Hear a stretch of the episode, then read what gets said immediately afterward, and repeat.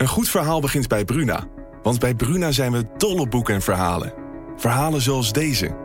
Het nieuws reist je snel, zoals dat soort nieuws doet. Ik wist dat het ook over jou ging, zodra het eerste bericht uit Parijs kwam. Bijna zes jaar geleden nu. Op een vrijdag de dertiende. Een datum als een slechte grap. Jij was er ook, Flo. En op jouw profiel bleef het stil. Wil jij weten hoe dit afloopt? Je leest het in Luister van Sascha Bronwasser. Nu bij Bruna.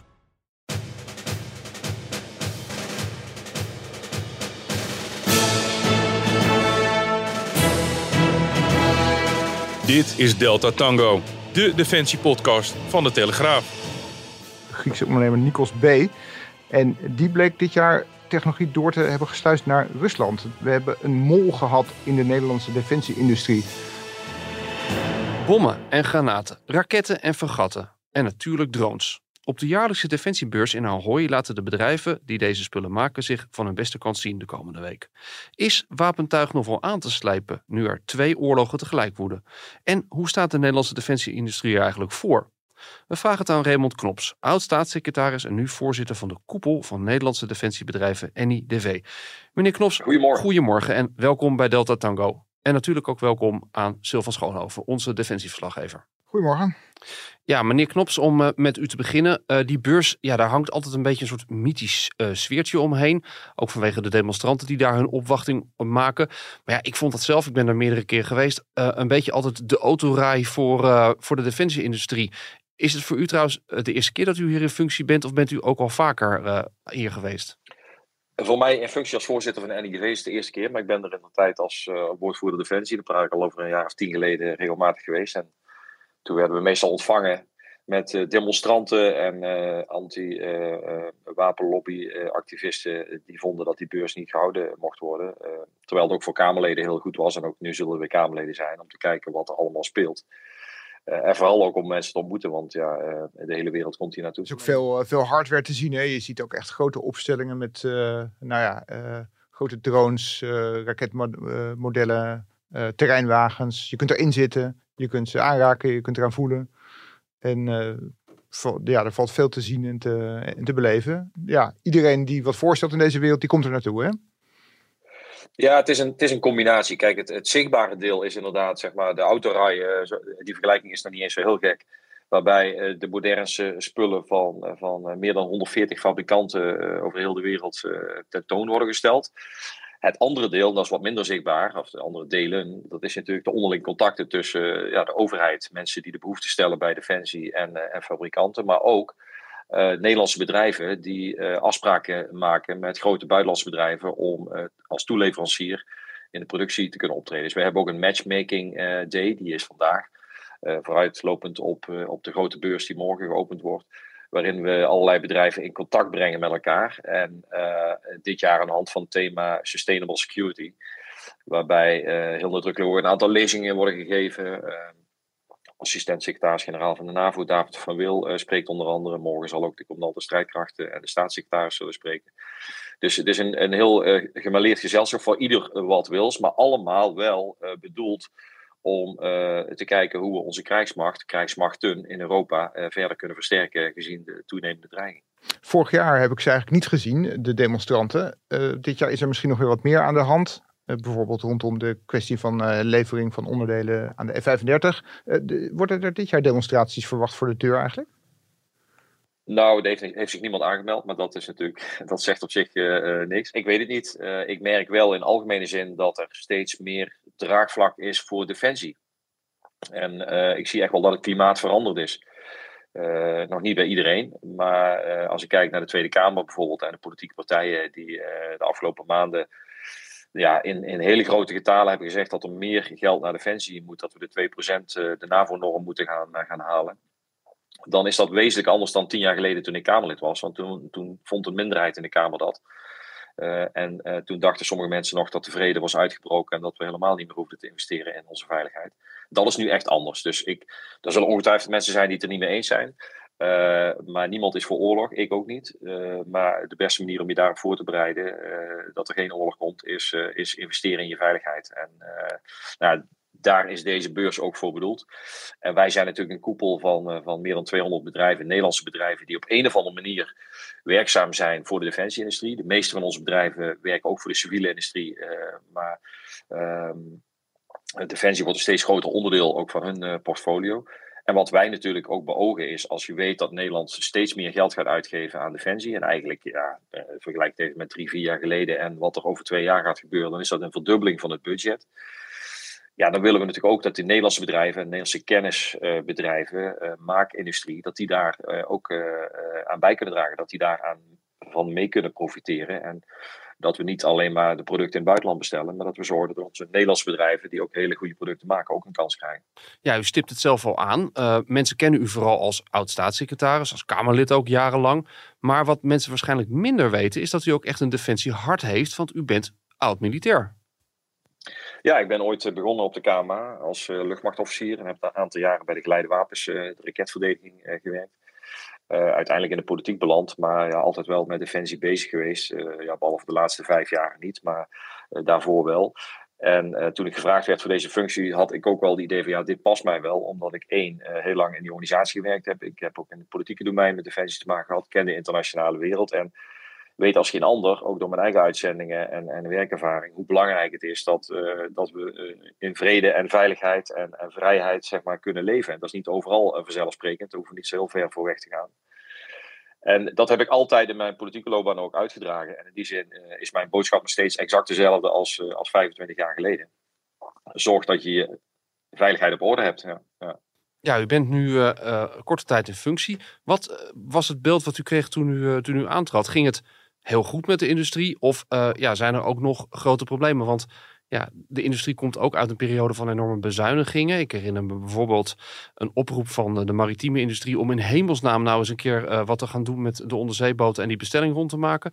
Ja, wat is uw beeld op dit moment?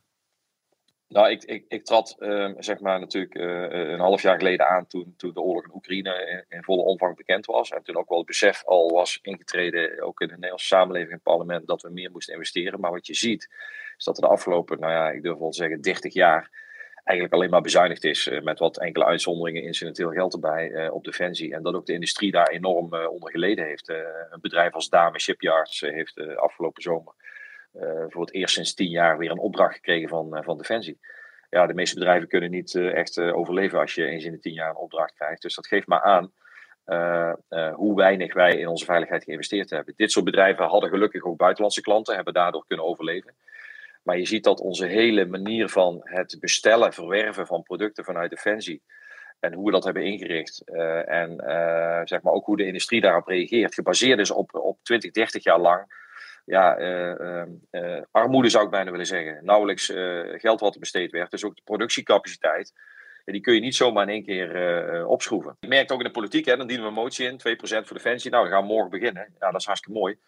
Um, maar de eerste vraag is, wanneer komt dat geld echt beschikbaar en wat wil je ervoor hebben? Dat is echt een vraag voor de politiek, voor het ministerie. Daar bemoeien wij ons niet mee als NIDV.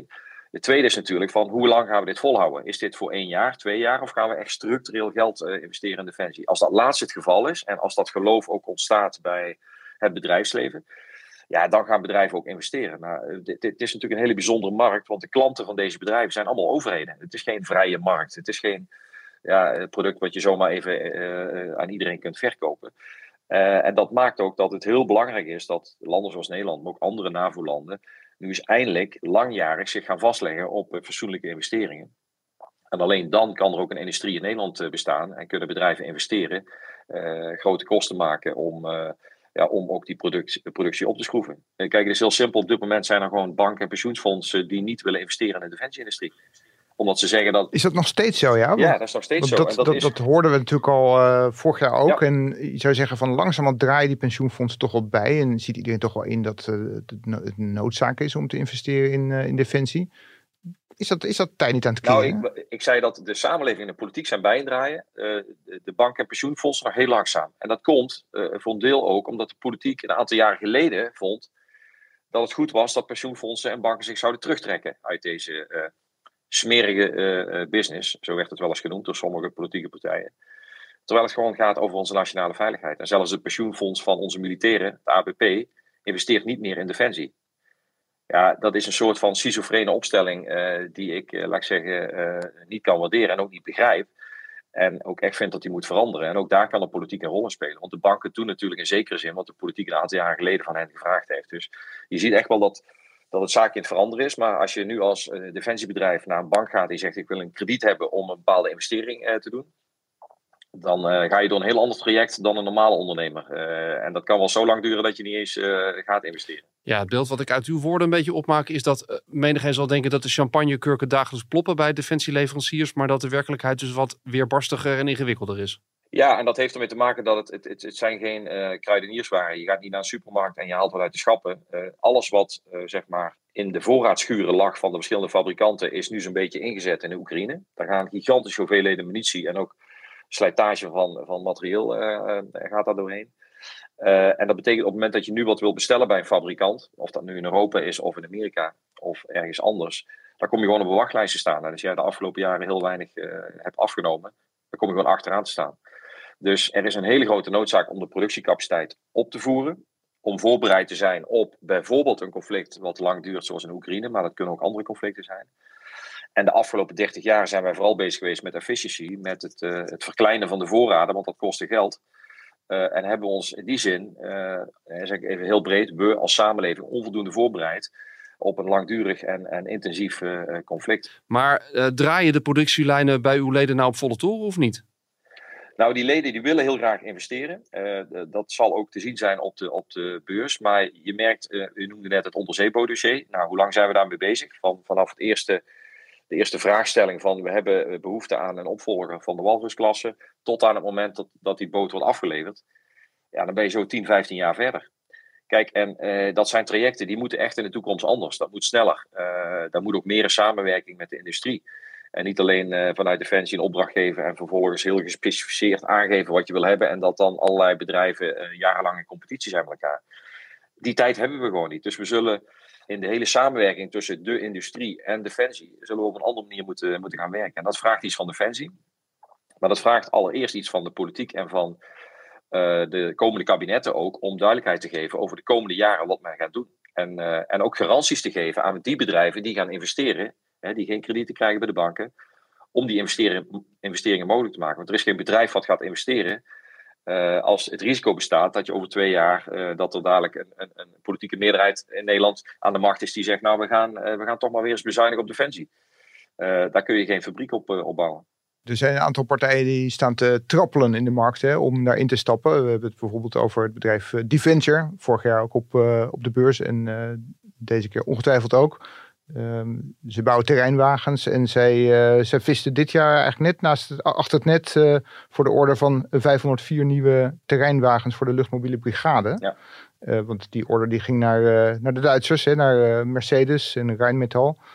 deel werd weliswaar hier afgebouwd in, bij VDL in Eindhoven, maar ja, er had ook een volledig Nederlandse terreinwagen kunnen staan bij de luchtmobiele brigade. zo is het niet zo is het niet mogen lopen. Waar, waar, waar, ging het daar fout? Heeft u daar een idee van? Want het was een van de, van de grote affaires binnen de, de Nederlandse defensie-industrie van het afgelopen jaar. Ik, ik vind het heel lastig om, om zeg maar, eh, eh, onder de motorkap bij Defensie te kijken wat daar gebeurd is. Maar wat je ziet is, uh, kijk, ook al kopen wij in het buitenland, dan wordt er wel in Nederland gecompenseerd. Dus inderdaad, wat VDL in Born gaat doen, het afbouwen van die auto's, dat is natuurlijk een onderdeel van, van zo'n deal.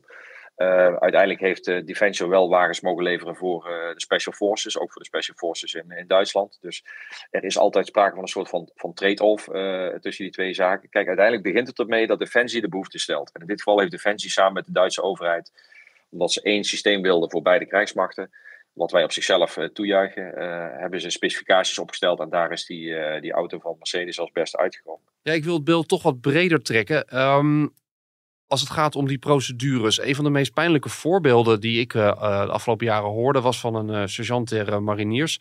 En die vertelde over een richtmiddel wat zij heel graag wilden hebben voor hun wapens. dat werd netjes gespecificeerd. de aanbesteding werd in gang gezet. En het duurde maar en het duurde maar. En na een aantal jaar kwam hij op een beurs en dan zag hij precies liggen wat hij nodig had.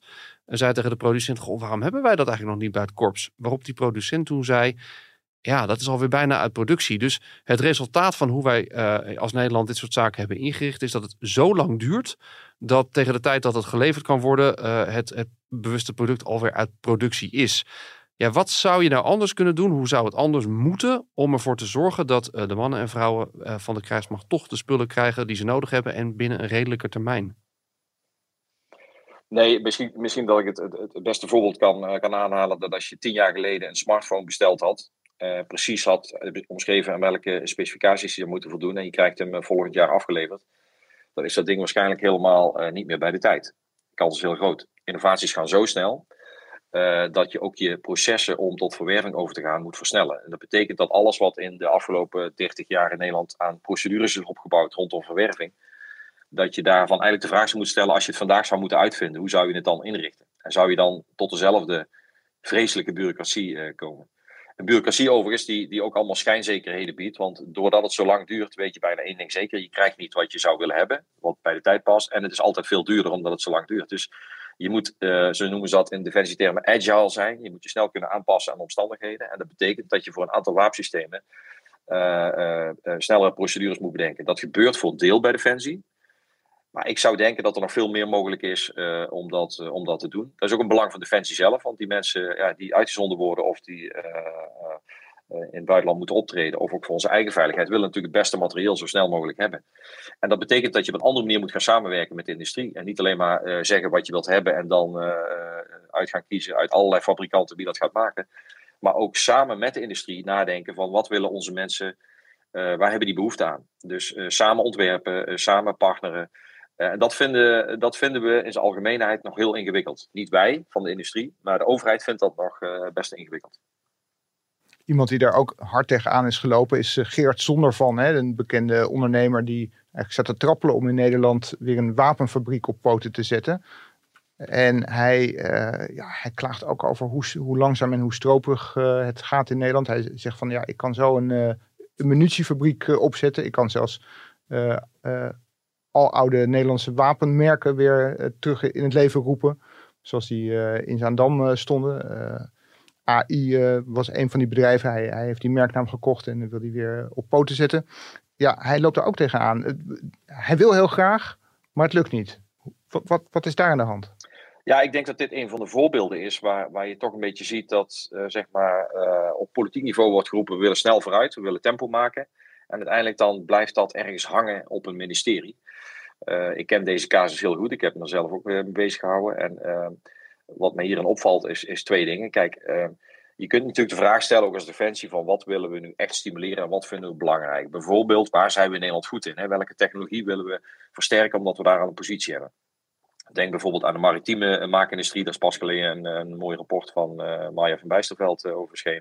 Maar ook bijvoorbeeld de radartechnologie, sensortechnologie. Dit valt daar niet onder, maar er is wel een schijnend uh, tekort aan munitie. En er komt er een ondernemer, hè, die, uh, die gaat voor eigen rekening en risico allerlei dingen al uitzoeken. Uh, met bedrijven zaken doen, opkopen, om ervoor te zorgen dat hij de hele keten beheerst. Ja, dan ligt dat maanden te wachten op de, bij Defensie. Dus dit is ook heel concreet iets waar we met Defensie over in gesprek zijn. Van, kijk, als je de vertrouwen wil winnen van de industrie, en de industrie oproept, zoals Rob Bauer, de voorzitter van het militaire comité, in Brussel uh, heeft gezegd van ja, die industrie moet ook uh, uh, gaan beginnen. Ja, nu is er een, iemand in de industrie die dat doet en, en nu blijft het stil. Kijk, dat kan dus niet. Je zult wel ook als overheid moeten leveren en een antwoord moeten geven op de vraag, op dit aanbod wat er ligt. Ja, het is dus een beetje een overheid met twee gezichten. Aan de ene kant het groene gezicht wat roept... laten we alsjeblieft snel zelf dingen gaan produceren... zodat we ons beter kunnen verdedigen. En aan de andere kant ja, de, de achterkant of de verdieping lager in hetzelfde ministerie... dan wel een ander ministerie waar wordt gezegd... ja, sorry, maar we hebben hier gewoon regels en procedures... en wil je die doorlopen, dan kost dat een aantal jaar. Ja, ik krijg dat gevoel wel eens, ja. En, en um, ik denk dat, dat, dat we daar met elkaar voor gesprek moeten... en dat moeten alignen en, en, en in lijn moeten brengen... Want dit, dit helpt niet zeg maar, om ondernemers over te halen om te gaan investeren. Als je vervolgens allerlei investeringen doet, kosten maakt en, en het stil blijft. Kijk, eh, Defensie heeft natuurlijk wel een punt als ze zeggen: ja, we gaan heel goed nadenken over waar wij uh, ons op willen richten. Samen met de NIDV, samen met het ministerie van EZK. Maar laat onverlet dat er gewoon een gigantisch munitietekort is op dit moment. Uh, iedereen klaagt erover. Ik hoor daar ministers van alles over zeggen in, in, de, in de openbaarheid ja, dan is het wel heel, uh, heel, heel bijzonder, uh, laat ik het zo maar even formuleren, dat een ondernemer die in juli al een aanbod heeft neergelegd, dat hij nog steeds wacht op een antwoord. En nou, ik, ik hoop dat we daar uitkomen en ik hoop ook dat de Nederlandse regering inziet dat, dat het hier heel belangrijk is om dat vertrouwen ook te, te wekken door, door met goede voorbeelden te komen. En de ondernemers ook daadwerkelijk te helpen. Ook ondernemers die ook hun nek uitsteken om, om onze veiligheid te dienen.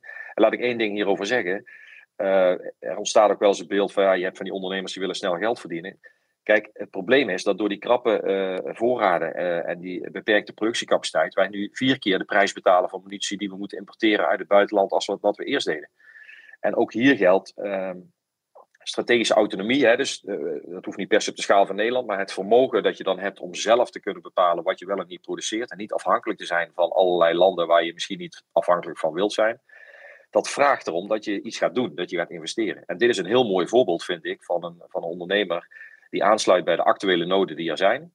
Um, ja, en, en het zou zo mooi zijn om dit nu als een voorbeeld neer te zetten en te laten zien van uh, kijk eens uh, wat we hier kunnen in Nederland. Maar dat geldt ook voor andere takken van de industrie hoor, niet alleen voor de munitieproductie. Uh, en we gaan als overheid daarachter staan. We gaan laten zien dat wij het belangrijk vinden dat we defensiebedrijven in Nederland hebben, omdat die ook bijdragen aan de defensie van ons land en van de landen om ons heen in Europa. En dat verhaal, zeg maar, die Nederlandse defensie-industriepolitiek, dat mis ik nog. En uh, daar zullen wij als NIDV ook op blijven aandringen. Om dat echt op te gaan pakken. En niet alleen met de mond, maar ook in, in, in daden.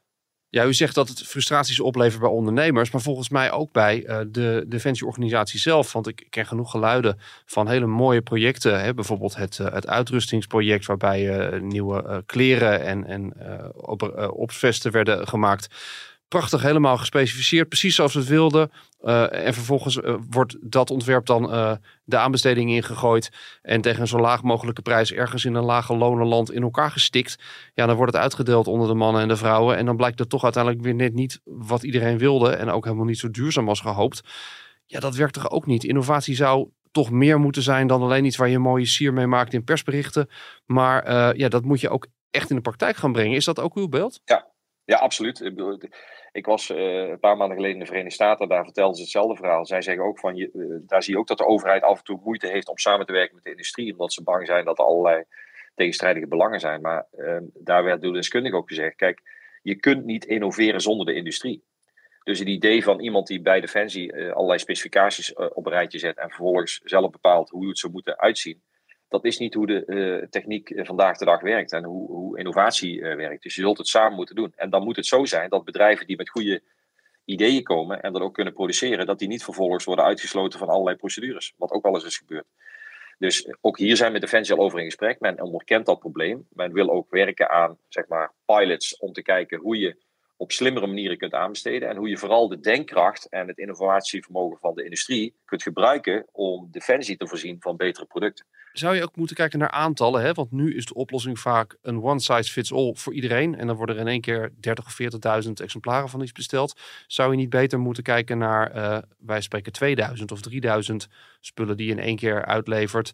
Uh, waardoor het sneller kan, maar waardoor je ook um, ja, als er een nieuwere versie is of een modernere technologie beschikbaar is, dat je sneller kan schakelen. Is, is dat een optie? Ja, ik zie daar overigens echt wel een verandering optreden. Dat begon al bij de Special Forces, wat natuurlijk in, in omvang niet zo'n grote eenheden eh, zijn. Daar zie je al dat er hele andere verwervingsprocedures zijn. En het mooie daarvan is dat als het heel goed werkt bij de Special Forces, kun je het bijvoorbeeld ook weer aan andere eenheden geven. Dus je kunt het in de praktijk ook gewoon uittesten. En mocht het niet helemaal passen, kun je het of aanpassen of je zegt de volgende keer doen we het anders. In plaats van inderdaad hele grote batches eh, bestellen wat ook een hele lange levertijd oplevert. Hè. Dus als je kleine uh, producties hebt, gaat dat ook vaak veel sneller. Dus je zult stap voor stap moeten innoveren. Dat kan binnen Defensie. Daar is ook binnen Defensie heel veel behoefte aan. Maar we zullen dus die procedures die we met z'n allen in al die jaren helemaal tot in detail hebben uitgewerkt, zullen we opnieuw moeten bekijken van wat is nu nuttig in die procedures? Waar moeten we echt aan voldoen als het gaat om Europese aanbesteding? En waar kunnen we ook dingen anders doen? En daar ligt volgens mij voor Defensie op dit moment de grootste opgave om dat uh, te gaan oppakken. Uh, en wij willen daar graag bij helpen als industrie. Maar ze hebben erbij, we willen wel ervoor zorgen dat onze bedrijven dan in een veilige omgeving mee kunnen denken. En niet dat je, dat je bij wijze van spreken allerlei ideeën op tafel legt en vervolgens niet meer mee mag doen in een procedure. Want ja, dan, uh, dan gaat natuurlijk niemand hier aan meedoen de stroperigheid zit er misschien niet alleen in, in ja, die aanbestedingsregels en zo, maar ook gewoon praktisch in hoe je, hoe je hier een industrie kunt neerzetten. Hè. ook een, uh, een zaak waar Gerard Zonner van tegenaan uh, liep. Namelijk als je hier een munitiefabriek opbouwt, dan loop je natuurlijk tegen allerlei milieuregels, stikstofregels, ruimtegebrek aan die hinderen om snel iets van de grond te tillen. Ik begrijp dat, dat daar ook wel aan gesleuteld wordt, hè, om daar de de zaken iets te versoepelen. Ja, en dat is denk ik ook goed, want ja, ik, ik, ik, ik, ga maar even niet in op het stikstofprobleem, maar het is natuurlijk veel te makkelijk om, om telkens te roepen, we moeten dit als Europa doen. En als het dan moet gebeuren, naar andere landen te kijken die het dan moeten gaan oppakken. Bovendien is het ook niet verstandig voor onze bedrijven, want ja, wij, wij hebben in Nederland ook behoefte aan, aan hoogwaardige bedrijvigheid. Hè. We hebben, ik zei net al, meer dan 200 bedrijven bij ons aangesloten. En heel veel van die bedrijven zijn MKB-bedrijven. zijn kleinere bedrijven die een niche in de markt hebben. Ik noemde al de sensortechnologie, maar ik, ik kan ook uh, de drones uh, noemen. Ik kan de maritieme industrie noemen. en daar moeten we heel zuinig op zijn en daar moeten we ook trots op zijn.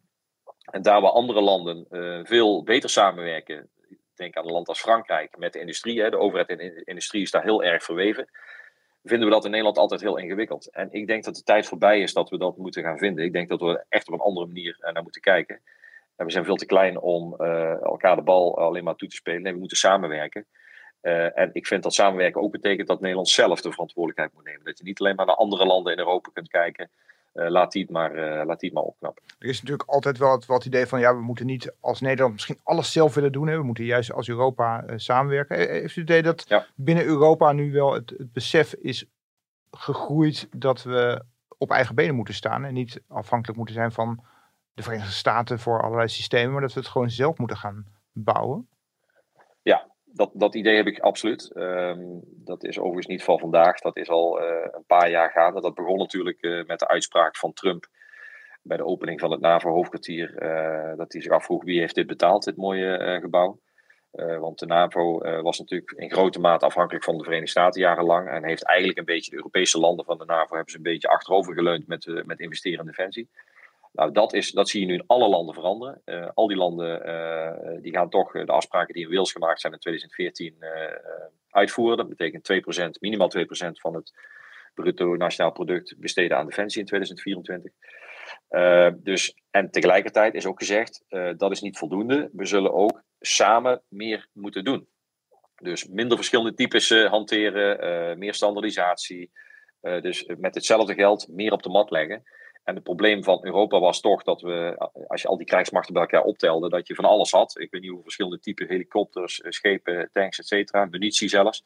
En als je dan bijvoorbeeld in Oekraïne samen moet optreden en je moet dus uh, tien logistieke lijnen hebben om al die verschillende types aan te voeren, is dat veel ingewikkelder dan dat je, dat je maar één of twee uh, verschillende soorten hebt. Dus besef dat we, dat we meer moeten samenwerken, hè, zonder dat er een Europees leger komt, daar gaat het helemaal niet over, maar wel op dezelfde manier moeten gaan opereren, zoals wij nu doen met de Duitse uh, landmacht.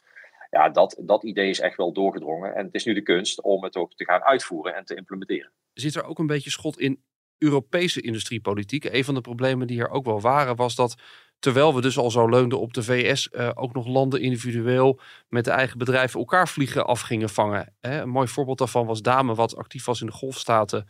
Daar uh, dacht een hele grote order te hebben binnengesleept. En op het allerlaatste moment werd weer geconcurreerd door uh, de Franse Navalgroep. Die onder de, de kostprijs konden offreren, dankzij overheidssteun. En waar ook nog een, een nevenvestiging van het Louvre als een soort bonus in de deal werd gegooid. Ja, dan dan wordt het heel lastig om met elkaar op te trekken. Is, er, uh, is, is daar iets zichtbaar dat, uh, dat Europa meer één front vormt en uh, in staat is om, modieuze termen deze tijd, over zijn eigen schaduw heen te stappen, waardoor je uiteindelijk met elkaar meer kan bereiken dan in, in een situatie dat je elkaar nog loopt te beconcurreren? Als ik de vraag zo begrijp, als u vraagt van gaat dat bij de Fransen veranderen, dat weet ik niet. Ik pleit er wel voor dat wij in Nederland op een andere manier daarna gaan kijken. En niet alleen maar als een soort uitkomst van een, uh, een mathematisch uh, besluitvormingsproces. Wie heeft het beste product voor de beste prijs? En dat was in het verleden ook nog vaak, uh, het moet niet te duur zijn. ik pleit dus echt voor, voor nauwere samenwerking tussen de overheid en, en de defensieindustrie. En ja, in dat kader roep ik ook in herinnering dat de NIDV, de Nederlandse Industrie voor Defensie en Veiligheid, waar ik nu voorzitter van ben, in 1984 door de overheid is opgericht. Juist om die samenwerking tussen bedrijfsleven, kennisinstellingen en die overheid te verbeteren. Dus het, het grappige is dat, dat uh, eh, 40 jaar later uh, de NIDV eh, harder nodig is dan ooit. En dat ook de overheid 40 jaar geleden al erkende dat dat moest gebeuren. Maar dat dat in de tussentijd ja, toch een beetje dat er eigenlijk meer afstand is gekomen in plaats van nabijheid. En ik denk dat de Fransen het gewoon heel slim doen. En wij zijn ook hele slimme mensen. We hebben slimme ondernemers. Dus wij moeten gewoon kijken hoe we, wel in afstemming met andere landen, op de dingen waar we heel goed in zijn, ons, ons, ons aandeel kunnen vergroten. En als grote bedrijven bij ons, zoals Dame en Thales, als die het goed gaat, dan gaat het met de MKB-bedrijven die daaraan toeleveren ook heel goed. zo moeten we het ook zien. Dus wij moeten nu geen dingen gaan doen die, waar andere landen beter in zijn. Dat zou niet mijn pleidooi zijn. Ik zou zeggen, investeer nu in die technologieën waar we gewoon heel goed in zijn, waar we een goede positie hebben. En laat dan ook als overheid zien dat je de spullen koopt van je eigen bedrijven. En dat je daardoor als een soort uh, launching customer uh, kunt, kunt optreden. Want uh, als, je, als die bedrijven naar het buitenland gaan en die willen hun producten verkopen en die moeten vertellen, ja, zelfs onze eigen krijgsmacht koopt onze spullen niet. Dat is geen goede pitch. Dus, en dat doen de Fransen gewoon veel beter. Damen en Thales, hè, dat is toch een beetje nationale trots. En die trots die groeit misschien nu wel weer wat meer, nu het geen schande meer is om in de defensieindustrie werkzaam te zijn. Er is één Nederlandse uh, fabrikant die waarschijnlijk niet vertegenwoordigd is uh, op de beurs nu. nu. Dat is een bedrijf waar een, nogal een pijnlijke affaire om was. Dat was het bedrijf Aratos van de Griekse ondernemer Nikos B. En die bleek dit jaar technologie door te hebben gesluist naar Rusland. Het kwam als een grote schok, hè? ook bij de NIDV, waar zij bij aangesloten waren. Iemand sprak van, we hebben een mol gehad in de Nederlandse defensieindustrie.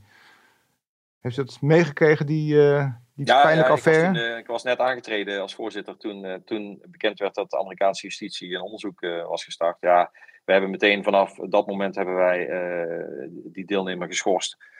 Um, en dat onderzoek loopt nog. Ik weet niet wat de exacte status is op dit moment. Maar het mag duidelijk zijn dat, dat dit soort praktijken uh, dat dat niet kan. En uh, als blijkt dat deze man zich daar echt aan schuldig heeft gemaakt, zal hij ook zijn straf krijgen van de Amerikaanse uh, justitie. Daar ben ik van overtuigd. En wij hebben in ieder geval meteen gezegd van wij doen geen zaken meer. overigens, dit bedrijf was een deelnemer van ons, dus had daarmee toegang tot bijeenkomsten die wij organiseren. Maar had daarmee niet automatisch toegang tot allerlei defensiefaciliteiten. dat, zo werkt dat niet. Wij zijn een een organisatie waarin eh, bedrijven deelnemer kunnen worden. Uh, en, en wij organiseren allerlei sessies om zeg maar, de verbinding tussen overheid en bedrijfsleven te versterken. Maar wij willen hier niet mee geafficeerd worden, dus daarom hebben we ook meteen die maatregel uh, uh, genomen. Ja, laten we op een positief punt eindigen. De beurs, niet voor publiek toegankelijk, maar wel voor Kamerleden, ja. voor de industrie zelf en allerlei andere belanghebbenden, zoals de pers, waaronder Sylvan die ook een kijkje gaat nemen. Wat mag je nou niet missen? Wat zijn echt de highlights die hij morgen gaat zien? Nou ja, er is eigenlijk uh, te veel om, uh, om op te noemen. Maar uh, ja, ik vind zelf wel heel mooi dat, dat onze maritieme industrie heel goed vertegenwoordigd is. De beste radars van Thales staan er uiteraard. Ook de nieuwe tank van Rijnmetaal is er te zien. Ehm, dus er, is, er is van alles aan, aan materieel te zien. vaak ook bedrijven die, ja, die in de buitenwereld totaal niet bekend zijn. Dus dat, dat, het is groot en klein door elkaar. En uh, ik ga ervan uit dat de media daar zodanig verslag van doet dat er toch heel veel mensen kunnen zien uh, wat er uiteindelijk uh, daar gebeurt. Heel veel, heel veel drone-technologie ook. Het bouwen van drones, het vangen van drones, het, ja. het, het, onderscheppen van drones. Ja, dat is toch wel ja, een heel zwaar een, punt geworden in, de, in deze tak van sport. Toen ik voor de laatste keer als Kamerlid op de beurs was, dat is al heel wat jaar geleden, toen, toen was dat eigenlijk nog niet. je ziet dat die drones ook in het conflict in Oekraïne een, een enorm belangrijke rol spelen. Dus drone-operaties, maar ook de counter-drone-operaties weer die daarmee gemoeid zijn natuurlijk. Dus die, technologie gaat razendsnel. En juist omdat ze heel klein zijn uh, en ook steeds effectiever, zijn ze echt een factor om, uh, om rekening mee te houden. Uh, ook voor radars en ook voor grondtroepen. Dus dit zorgt weer voor een compleet nieuwe dimensie op, in, in de crisisgebieden. En, en ja, ook de, de Nederlandse industrie speelt daarop in omdat wij nu van oudsher ook ja, best goed zijn in, in die hele sensortechnologie. Uh, en we hebben gelukkig ook nog, uh, na het vertrek van Fokker, hebben wij ook nog, uh, Fokker vliegtuigen, hebben wij ook nog allerlei bedrijven van Fokker die in Nederland actief zijn. En allerlei toelevende bedrijven in de, aerospace industrie. Dus nou, ik, ik, durf te zeggen dat wij, dat wij echt voorop meedoen. En dat is allemaal te zien. Kijk, het is aan de fabrikanten zelf wat ze willen laten zien. Maar ik ga ervan uit dat ze hun beste beentje voorzetten. En ook een tipje van de sluier oplichten van nieuwe technologieën die ze, waar ze mee bezig zijn en die ze willen gaan introduceren. Nou, Sylvan, ik hoor het al. Er is uh, genoeg te zien voor jou morgen. En, en ook te vertellen dus aan onze lezers en kijkers, luisteraars. dit was Delta Tango voor deze week. We hopen dat je weer met plezier hebt geluisterd. En als dat zo is, laat het weten. En laat een recensie achter op een van de podcastplatforms. Of abonneer je, zodat je geen aflevering meer hoeft te missen. Dit was Delta Tango voor deze week. Over twee weken zijn we er weer met een nieuwe aflevering over internationale veiligheid en defensie.